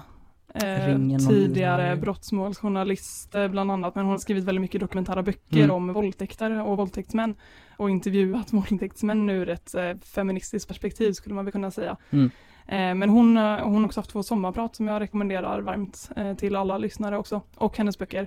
Men hon pratar ju väldigt mycket om det, att så, tänk, ifall man hade, tänk om man hade sagt den typen av saker till män. Mm. Att så här, eh, gå inte ensam för då kanske du blir arg och slår ner någon för att du har druckit lite alkohol. Mm. Eller så, Jo, alltså nej, det hade ju är- blivit helt, hon drar också någon liknelse med Eh, och det här tycker jag också är en så här ganska kul, men nu vet jag att det i alla fall är minst ett fotbollsfan i det här rummet, så jag backar långsamt från min mick eh, och tar, tar avstånd. Men en, eh, på tal om prioriteringar och vad politiker prioriterar oaktat ideologi idag, Mm. så, så när hon vid ett tillfälle i ett av sina sommarprat tror jag att det är, eh, att så, tänk om man hade tagit alla poliser som man sätter in till fotbollsmatcher Mm. varje sommar eller varje år eh, och låtit dem arbeta med att utreda våldtäktsbrott. Då hade vi kanske äntligen fått ett slut på den här det finns inga resurser eh, frågan. Eh, och att jag kan ju då som, som feminist och politiker idag tycka att det är lite fascinerande hur mycket pengar vi lägger på att se till att män i grupp som dricker öl och kollar på fotboll inte ska slåss medan vi inte prioriterar att till exempel utreda våldtäktsbrott. Det finns ju en himla massa andra grejer jag hade velat prioritera högre också. Mm. Nu har jag sagt det. Ja nej, men absolut, jag, jag, ska, jag ska inte börja veva eller, eller liksom det leva upp, till, leva upp Jag till. hade lagt Nej, men jag- prioriteringar på det men- som hade förändrat Precis. och förbättrat, Mm. tagit bort toxic Ja. masculinity och, och annat. Jag vill, jag vill lägga en liten, eh, liten replik bara. Det För annars, annars så kommer jag, jag skriver ju en hel del om, om Blåvitt och, och måste röra mig i de kretsarna så jag vill kunna ha ryggen fri där också. Mhm. Ehm, det, absolut, det, det läggs väldigt mycket resurser där men jag skulle också säga att det är en klassfråga. För att det handlar om att kontrollera underklassen och underklassens, alltså intressen. Mm. Och där är ju fotbollen problematisk på så sätt att man sätter arbetare emot arbetare och därmed skapar spänningar. Och det är ju någonting som har gjort jävligt medvetet under åren. Alltså Mm. jag vill ju, Mm. om vi ska titta historiskt, gå så långt som att en stor del till varför första världskriget blev första världskriget var ju för att det blev lite för mycket revolutioner lite här och lite där, så då behöver man gemensamma fiender. Och därmed skapar man liksom militarismen och, och en ökad. Nu kommer vi in om Mhm. helt annat, men jag vill åka tillbaka till fotbollen och säga att det, det, absolut, det går jättemycket resurser på en fotbollsmatch. Men många gånger hade det lagts en annan typ av resurser. Ja. Som till exempel supporterpoliser. Mm. Då behöver du ha en polis istället för tio som inte kan supporterkultur.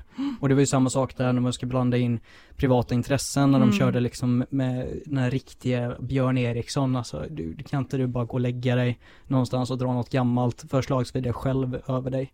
Så du får inte vara med längre. Mm. Ehm, och, och köra vaktbolag istället för Mm. poliser som har ännu mindre koll och ännu mindre känsla. Det enda gången, jag har gått på fotboll sedan jag var 13 år. Det enda gången som jag varit med om någonting som ens har varit potentiellt hotfullt, Mm. det var ju när en säkerhetsvakt drog batong mitt i en klack, Oj. mitt när liksom Blåvitt låg under och skulle börja räta folk med den här batongen för att de inte stod liksom inom inom gränsningarna. Och då, då var det ju nära att en, eh, en utav säkerhetsvakterna fick ordentligt med, med spö. Mm. Blev det inte så för att det kom en supporterpolis, men Mm. det är mer att åtgärderna där har mer att göra Absolut. med hur, hur, Nej, men ser, vi på, hur ser vi på fotbollsfans. Mm. Eh, Får jag bara dra en passus på det? Mm. Jag, eftersom konservativ, vi pratade konservatism, liberalism och socialism förut. Mm. Om vi tar konservatismen och även kanske mina egna åsikter. Jag hade velat se han, samma hantering av, av som vi hanterar NMR och AFA som fotbollsorganerna. För de, många av de supporter som, vi, som är de våldsbenägna, autonoma vänstern och den extremhögern, ibland också ute och slåss med de här grupperna. ja, det, är de ju håller på. samma, det är ju Absolut. många Samma gånger grupp. samma killar liksom. Och därför vill jag se att egentligen om fotbollshuliganismen, där fotbollsklubbarna tar avstånd till det här, Mm. så, äh, stadierna som ägs av kommunerna avstånd eller företagen och markerar det för att om du är misstänkt eller du har den här bakgrunden, då är du portad på livstid. Då får du sitta på en sunkig bar och sura där borta, men då vet man folk var du är. För då är du inte i 20-30 man som kan börja puckla på varandra. Sen är det ju problemet just när det kommer till fotbollsrelaterat våld. Nu, det var verkligen inte det här den här podden skulle handla om, men nu hamnar vi här i alla fall. Ehm, det, det är ju Det är att ju en den, den, det fråga, problematiska fotbollsrelaterade våldet, det sker väldigt sällan utav huliganfirmor som gör upp. Mm. Inget, jag, alltså nu tycker inte jag att det är Är en det kampsport, eller utan jag tycker det här är efterblivet iten- beteende som man inte borde Mm. pyssla med och det är Mm. ingen borde ha en, en känsla utav att slå en annan människa på käften, det tycker jag är Det genuint handlar fel. inte om fotboll. Men, men, och det handlar verkligen inte om fotboll. Men att säga, men vi, vi portar dem och sen så tänker man att problemet är löst. Det, det är ju liksom, allt som oftast när någon råkar illa ut på en arena, då är det någon som är aprak som kastar en bengal eller gör någonting riktigt korkat. Typ som han dansken som sprang in för ett par år sedan och nitade domaren Mm. efter 17 öl. Det är liksom, det, det, ja, det, alltså, han är ju ingen huligan. Nej. Eh, ut, och det är ju oftast de Men ju- snubbarna som är betydligt farligare än huliganerna, för huliganerna ger sig på andra huliganer. De Om kallar vi oss... det och säger då kanske alkoholförbud på idrotts, idrottsmatcher. Till exempel. Det är det, och Om jag får backa lite bara så vet, ni jag vad vi att- gör så här? Vi sparar den här frågan till en Ja, annan dag. precis. Eh, se om, om vi ens... Om jag bara får backa lite så tänker jag att eh, jag vill inte föreslå att man ska ta bort alla, alla poliser på fotbollsmatcher. Jag tror inte att det hade löst eh, något problem egentligen. Men, eh, men bara för att backa tillbaka lite till den Mm, just det, politiska diskussionen så tror jag, så tycker jag att det är en ganska så här intressant fråga om prioriteringar. Mm, eh, och så här att, eh, att det får tillåtas fortgå så länge medan det finns mycket annat i samhället som egentligen alla ideologier och politiker är överens om är viktigare frågor. Liksom, Mm. Men man kommer inte ifrån det här typ. Mm. Nej, och där vill jag ju säga att det, det är ju för att man har en syn på fotbollssupportrar som kanske inte är riktigt paritet till Mm. liksom vad som är för att folk som inte oftast aldrig ens har varit på en fotbollsmatch sitter och tar beslut över hur saker ska lösas på en fotbollsmatch och det är jävligt problematiskt. För att då blir det ofta liksom väldigt stora kanoner på väldigt små grejer som det här med maskförbud och sånt Mm. alltså. Mm. Men fan bryr sig? Om så, någonstans så länge du har en bengalhink, vad fan gör det om det tänds en bengal? Nu är det inte bra för att det är emot reglerna och vi behöver istället göra det på ett säkert sätt och nu är Mm. det inte på ett säkert sätt. och det behövs lösas. Men alltså bengaler som bengaler, vad fan kolla Tyskland, Mm. alltså de bränner ju för fan fyrverkeripjäser Ja. innan match. Det är inga konstigheter, det är ingen som skadar sig. För att man gör det i samverkan. Skit, nu ska, nu ska, nu ska vi inte prata nu mer har alla fotboll. lyssnare fått Nu, veta vad som nu, händer förlåt om du som, fotboll på en du, som, eh, du som inte vill höra fotboll och har fått lyssna på det. Nu, du- nu ska Jag vi försöka. t- tio minuter tidigare. Ja, ja, ja, ja, precis. Jag kanske klipper lite i det här, det vet man aldrig. Ehm, det som jag kom på att vi missade utav de här Mhm. sex grundbalkarna, det var ju det här med världen och försvar. Mm. eh, som vi skulle prata lite om. Det är utrikespolitik mer eller Mm. mindre liksom. Eh, och nu har jag pratat så jävla mycket. Får jag så börja att då? Hanna är, Jag får börja. är boll, först på bollen. Mellanmjölken får vara först. Ja. Eh, nej men och här har jag väl egentligen två perspektiv och eh, beror väl lite på ifall man ska tänka liksom eh, klassiskt liberalistiskt eller om jag får tänka miljöpartistiskt. Jag ska försöka göra båda. Eh, men den klassiska liberalismen, eh, ja, jag vet inte riktigt vad man ska säga om den. Den har nog nästan du bättre koll på Dennis, vågar jag påstå. Så jag kanske bara passar den till dig sen. Jag tror att det är ganska mycket som kan vara likadant där. Eh, men som miljöpartist så, så Eh, Miljöpartiet grundades ju både ur ekologismen, feminismen men också ur någon typ av fredsideologi Mm. eh, och är ju en otroligt pacifistisk, ja, har en otroligt pacifistisk ideologi på det viset och har ju pratat nedrustning i alla år medan alla andra har pratat upprustning. Så jag vet inte riktigt om jag behöver säga så mycket mer om det. Jag tror att det är ganska tydligt men, men ja, bara så NATO-frågor och sånt. Tack men nej tack är väl min, min ingång till det hela. Mm. Eh, Men det är som sagt som miljöpartist kanske mer än vad, jag, än vad det är som klassisk eh, liberal. Så att Mm. säga. Jag är grundat väldigt starkt i fredsfrågorna. Mm. Nej, och det, det skulle jag väl säga att där, där är vi mångt och mycket väldigt Mm, lika. jag Eh, jag är ju också pacifist liksom till stor del, även om jag ser väpnad kamp som ett absolut sista sätt att, att liksom störta en stat som är förtryckare. Ehm, I typ Nazityskland, om vi säger att det hade varit liksom aktuellt igen, då hade jag gett mig ut i skogen med ett gevär liksom. Det, det är på den nivån som jag tycker är rimligt. De flesta Eh, ja, Sista det, det är ju Mm. ganska många som Mm. tycker det. Men, men nu var det ganska få som gjorde det om man väl kollar liksom historiskt, även om det var brutalt stor. Eh, jag ska inte trycka ner och, säga, snacka skit om, om tyst motstånd mot nazismen, för det, glömmer, förringar man så aldrig fått det. Vi ska inte heller förringa att Sverige var ganska neutrala i frågan och många var nazivänliga eller kommunistvänliga Mm. och vi hade ju inte interneringsläger för kommunister och annat och Mm. andra oliktänkande på Sverige så Mm. det är vår mörka historia. Men jag tänker om vi Mm. försöker Mm. backa in lite grann i, i med just våra ideologier igen liksom, så, så vill jag ju ändå få det till att en, en grundbult i, i socialismen är faktiskt också att det ligger så pass nära fredsrörelsen och det pacifistiska, men det är ju för att vi, vi ser det som att det är arbetare som skjuter mot arbetare, mångt och Mm. mycket. Det var ju som jag var inne på med första världskriget först liksom. Det, det handlar om att man vill avleda uppmärksamheten inom våran världstolkning. Sen är det inte alltid att det går att köra hela vägen och det, det finns många gånger mycket annat som ligger till grund också. Men det är ju Visst att det kan finnas ett, ett försvar och att man ska värna om sitt land och, och kunna garantera sin suveränitet. Men det är just det där med att det är ett försvar. Eh, och då även att det kanske det här med försvarsallianser det ser jag ju som jävligt problematiskt. Nu, nu går det egentligen mer över i att jag är väldigt historieintresserad och kollar man på i stort sett Mm. varenda militärallians så har det lett fram till krig för att det blir Exakt. liksom en kapprustning. Det blir en ökad polarisering i världen, det blir liksom ökade spänningar. Ehm, visst att man till viss del kan bli skyddad på olika sätt som Ja, Polen har ju liksom haft det, både fördelen och nackdelen om man säger med att ligga granne vägg i vägg med Ryssland. Ehm, och Ukraina lika så liksom. Alltså det, det, det finns ju länder som kanske har klarat sin suveränitet men också fortfarande har haft en väldigt lång spänning som man kanske inte hade behövt om man istället valde att köra liksom en, en Sverige eller en, en schweizisk Mm. modell liksom. Sen är det ju inte alltid att man har den möjligheten rent eh, storpolitiskt liksom, men, men det är ändå någon slags grundinställning liksom, vad, vad, vad är viktigt liksom? Ska vi ha en stor kanon eller ska vi liksom ha en säker nation? Mm. Och det tycker jag, de klingar inte ihop. Och där skulle jag väl säga att konservatismen är, är ganska, jag ska inte extrem för det, det är att ta i, men den, den är, Sticker den är ifrån svartvitare lite. mer Mm. liksom. Absolut, Ja. Mm. Eh, om vi bara tar det du sa, att socialismen har en mer pacifistisk och kla- arbete klass, och det är det klassiska marxistiska konceptet. Mm. Men det är också mer att socialisterna vill ju också ha en, eventuellt om, för bort med det, en väpnad revolution. Det är lite, om man går Det, om det, absolut, det, fin, det finns ju en, det finns ju en, en, eh, en vidareutveckling på socialismen ja. som, som eh, vill ta makten genom en väpnad revolution. Ja. Då pratar vi komponism, äh, eh, kommunism, kommunism, och, och, det. Eh, och det lite andra inställningar. Revolutionär socialism. Men, men ja, mm. revolutionär socialism helt mm. enkelt.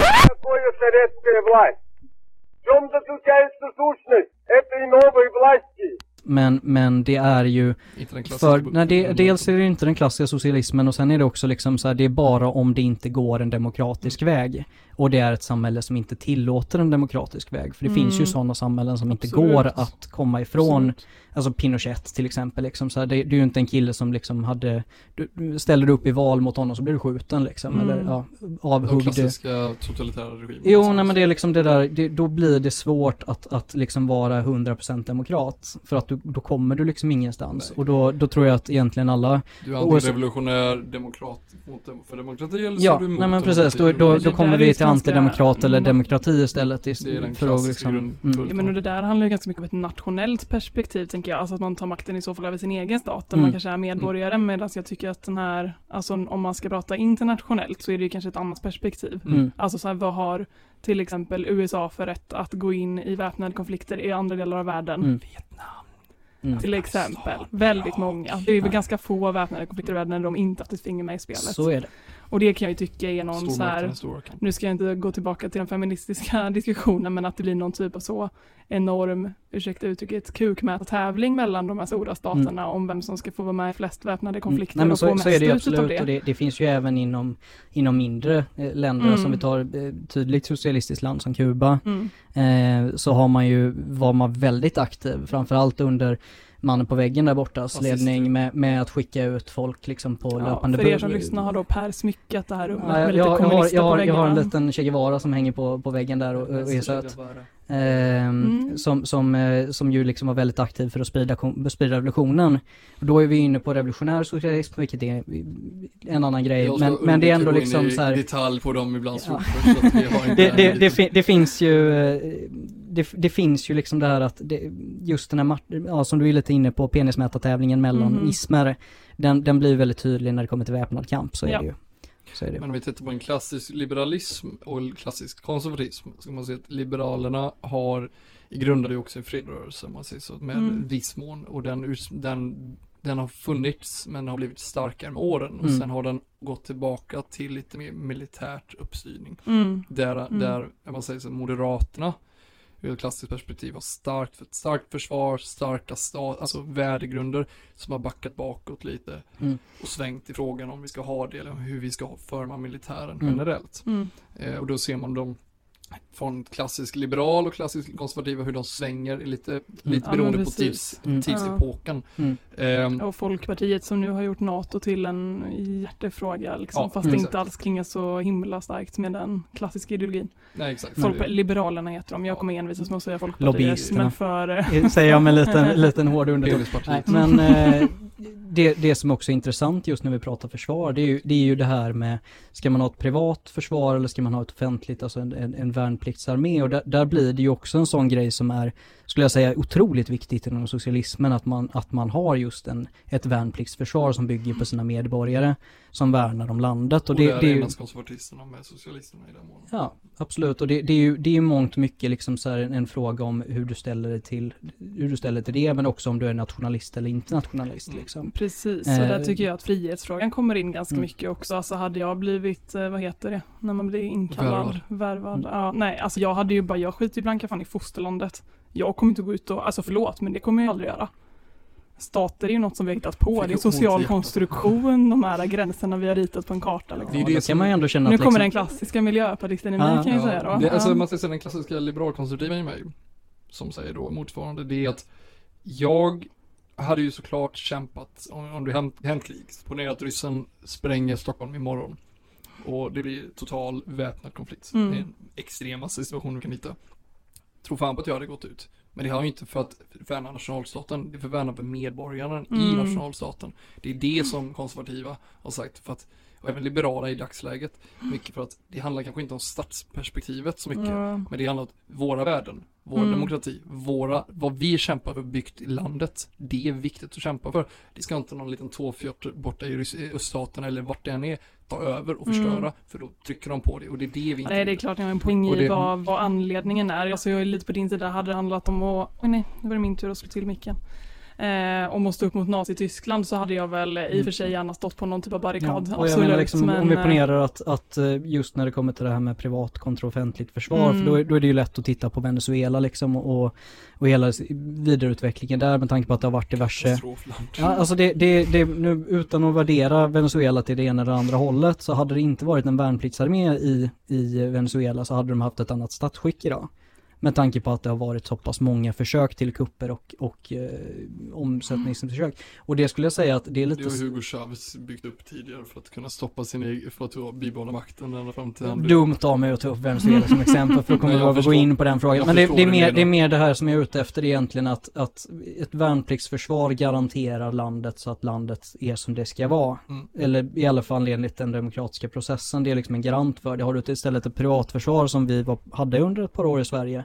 Då räcker det ju med att en, en grupp officerare går med i NMR och tycker att fan det här med nazism verkar ju vara Mm. lite kul liksom. Då får jag ju bestämma. Men då drar det- faktiskt ut ur det vill jag gärna. De- Jo, jo men det, det ponerar att det är liksom i automatiskt. ÖB och, och sen hans liksom bästa kompisar som sitter i badtunna och liksom dricker för Mm. mycket fulsprit. Då är, då är det liksom, eh, är extremt då är det mer problematiskt. Och det, det har vi ju ändå en tradition utav att ha även inom värnpliktsförsvaret. Jag menar vi hade ju liksom interneringsläger under andra världskriget där vi satte eh, värnpliktiga och, och eh, militärer i, eh, i bur som skulle, skulle kunna göra eh, Kontra- skulle kunna göra upp kontrarevolution då om, om Nazityskland är invaderat. Mm.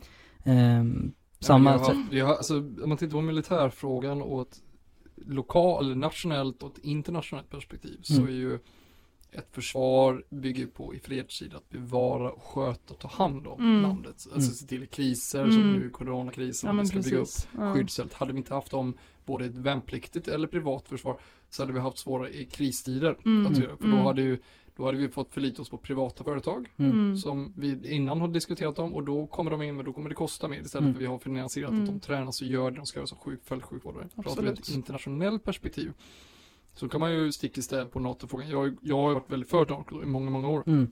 Jag är väl 60-40 fortf- nu i, i dagsläget mest för att jag jag kan inte se Trump som ledare Nej. för den, för, för, äh, inte eller den, för hela NATO. Mm. Eh, det blir lite svårt för mig att se perspektiv och då blir jag lite mot att gå Mhm. med. Men det, det är, ju- man kan ju inte eh, cherry picking hur man vill egentligen heller. Men i detta fallet så är ett konservatistiskt, jag ska inte säga konservativt, jag tror att egentligen världsliberalistisk koncept är att vi ska försöka värna och ta hand om för att Mm. förebygga krig, därav NATO-frågan. För det är det för att det skapas ju strax efter krig, under andra Mm. världskriget för att kunna stopp, stoppa eventuella makter. Problemet är att NATO har inte lyckats göra det lika mycket, men det har inte FN heller gjort och då går vi in på ett annat spår egentligen med Mm. fredsbevarande Mm. försvar. Och det är ju Precis. det som de klassiska liberalerna Mm. vill ha, ett fredsbevarande försvar. Mm. Medan konservativa hade hellre velat ta tillbaka som vi en gång hette krigsmakten och inte försvarsmakten. Att vi Mm. stred för någonting. Mm. Mm. Och det är det som skiljer väldigt mycket. Mm. Sen är det ju också hela den här liksom, det som blir lite problematiskt när det som ska garantera fred är mer vapen. Eh, Mm. Och det är egentligen, det går ju att slänga både på, på liberalismen och den konservativa inställningen att liksom så här, det, vi, vi ska ha väpnade grupper på olika sätt och framförallt om man ska ha insatsförsvar och liksom ge sig ut i, i, i världen alla i USA-style och liksom vara militärpolis lite här och lite där man tycker att det behövs för att man behöver olja. Eh, Mm. liten Exakt. oschysst, oschysst spark där mot Men- den gode Trump, men den kan han få. Eh, för att han är en eh, rackare. Han kan Eh, nej men hur som haver, det, det, det ja, det tror fan Skriv- inte det. Är det, på Twitter är det någon som har får mindre, mindre, ja det, det, det, här, det här är ju lilla Får penis-syndromet liksom. sin Twitter nu förresten? Den blir nedstängd för ett Ja, jag vet inte, det är ju fantastiskt. Vi- vi- Annars vi tycker vi kan testa det jag. Hur, hur ska han klara sig? Nej men för att, för att komma liksom åter till det, jag tror nästan att det får, får vara någon slags avrundning på hela den här delen. ehm, och hela det här avsnittet tror jag faktiskt till och med. Ehm, det är alltid lurigt när vapen ska vara det som garanterar fred, för det är Mm. lite som att liksom stå och krama en jävla massa snöbollar och sen tänka att ja, men har vi bara tillräckligt med snöbollar så blir det ingen snöbollskrig. Och det, till slut så är det någon som blir för sugen och det kommer en Mm. Trump eller det kommer en liten satunge som heter Vilgot eller någonting och Mm. bara hystar första Mm. bollen och då är, finns det en jävla massa snöbollar.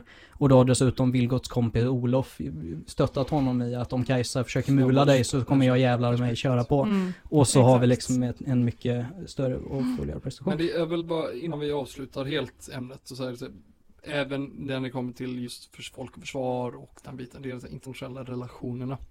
Det är det som det gru- grundar sig i. Hur Mm. ska vi skydda om vi Mm. exempelvis Absolut. Vi har en Nordic Alliance, alltså som nordiska länder, Danmark, Norge, Finland, Sverige, som jobbar starkt ihop för att kunna ha, hjälpa till i ytterområden i Mm. krissituationer och hjälpa det. Ja. Och det är det som kokar ner det när det kommer till försvaret, att se också ett internationellt perspektiv på vad är hotet och vad kan Mm. bli ett hot. Ja. Mm. Sen finns det ju internationella och internationella lösningar inom alla inriktningar Ja, som är mer eller mindre militaristiska Absolut. så att det är också en annan, en annan fråga.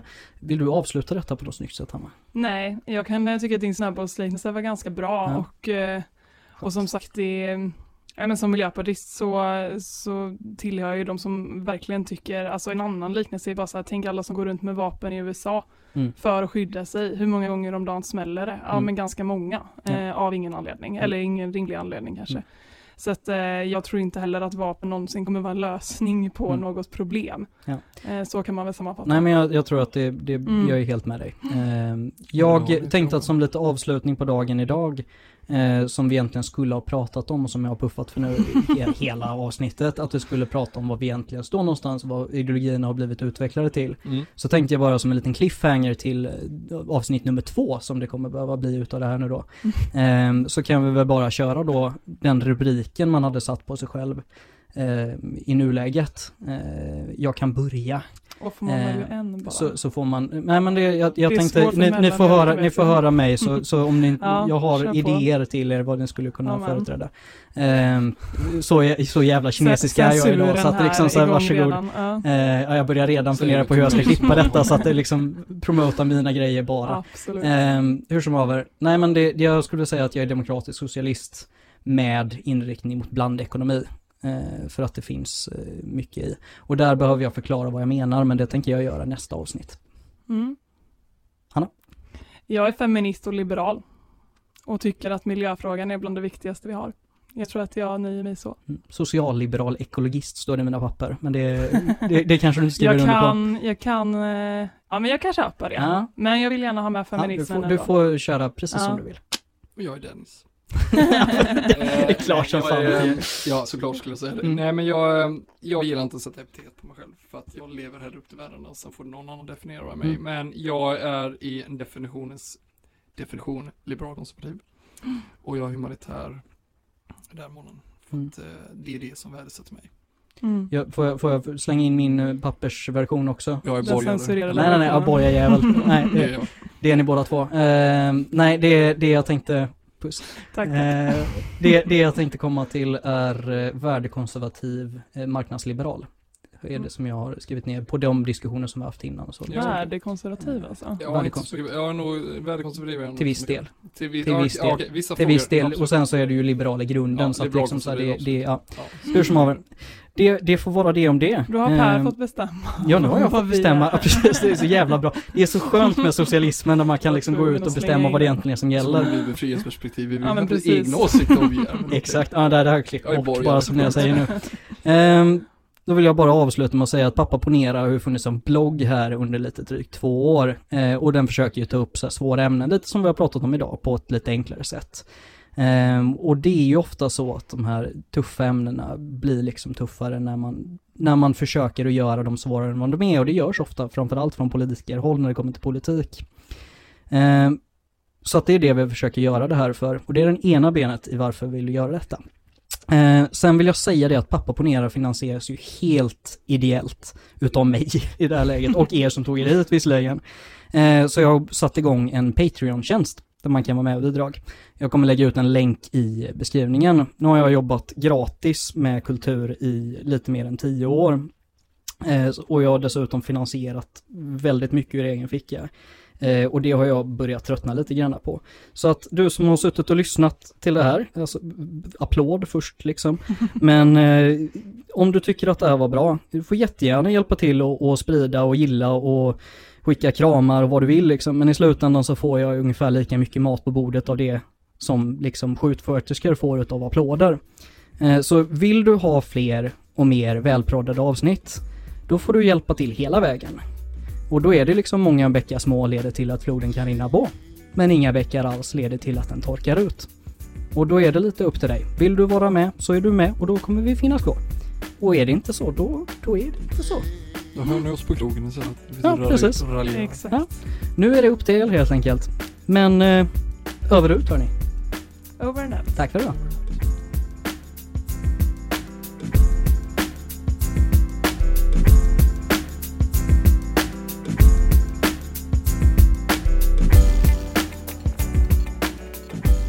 Avsnittet producerades av Hakuna Matata Produktion.